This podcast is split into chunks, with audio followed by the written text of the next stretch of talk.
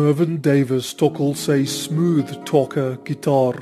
Musikante reg oor die wêreld sê die instrument se klank is uniek, een wat die luitmaker of gitaarmaker besig is om te skep. Sy romp is geelbruin wat met 'n donker amper perskleur kontrasteer.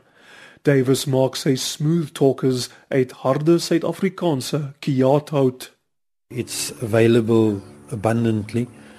It's also very, very stable and it's got a brilliant tone to it. Art is a, a bit lighter in weight, so it's got a bit mellower tone. But having said that, it's the luthier's job to translate that into the instrument that he's building. I was always curious about coming up with something that, that I could call my own, and so I always experimented.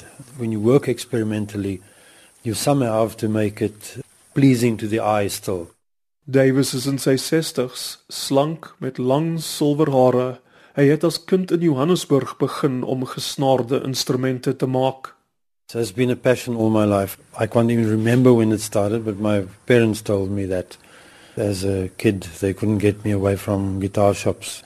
I made petrol can guitars like African kids do and and it developed from there. It just got a bit more real every time.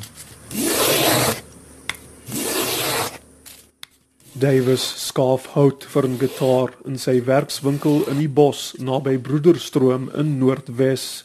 Hy het sy eerste ordentlike instrument gemaak, 'n mandolin, toe hy 14 was. Davis het inspirasie gekry van sy pa wat een gemaak het toe hy gevange gehou is in 'n kamp in Italië tydens die Tweede Wêreldoorlog. And then he escaped one day, took the mandolin with him and finally the mandolin got left in the attic of a farm building where he, he was hiding for the Germans and had to run for his life. I think for any little boy that is a story that would capture his imagination. As student in Port Elizabeth het hy sy eerste twee klassieke gitare gemaak, een van hulle vir 'n vriend. The one I made for myself, I ended up selling in a pawn shop to get petrol money to get back home for December holidays. Davis het argitektuur bestudeer, maar die aanvraag vir sy instrumente was so groot dat hy die studierigting gelos het om eerder sy passie te volg. Hy sê hy was nog altyd baie eksperimenteel. The ergonomics of the instrument is one that I always felt that I could possibly find different solutions for things like access to the the neck higher up than a traditional guitar yields so it's about playability. And the minute you start fiddling with, with that, the proportions of the instrument changes. Some of my guitars are very trebly, and that very much is a matter of taste. Some people don't like that at all. Other people, and I'd say more people that play lead, like the treble power of guitars. Davis streef om altyd iets nuuts te doen, kan in bykans elke instrument wat hy maak herken word soos sy 12 snaar akoestiese gitare met dubbel nekke. Sommige van Suid-Afrika se topmusikante gebruik Davis se gitare.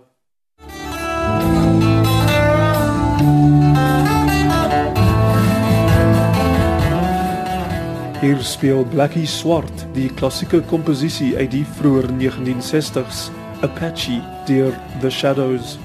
Blackie being known as a as a as a popular artist but he's one of the greatest guitar players in the country and deserves a lot more credit than he's been given.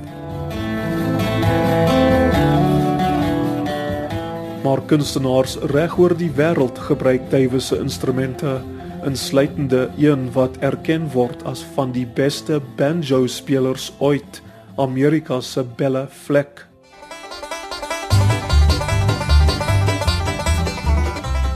Davis sê die mees fascinerende deel van gitare en banjos maak is om die instrumente unieke stemme te gee, soos hy dit stel. Hy sê hy volg 'n proses wat sy instrumente spesiale resonansie gee. I'm able to do that by gluing the back of the instrument on last. So I actually build the instrument to the point where I can string it up and tape the back on. And then by removing wood from the braces or adding on in some cases I can get to the sound that I that I'm after. Davis boor in sy werkswinkel. Hy gebruik ook Amerikaanse hout soos seder en sparhout in sommige van sy ontwerpe, insluitende een wat gebruik word deur bekende Amerikaanse sanger en liedjie-skrywer Charlie Daniels.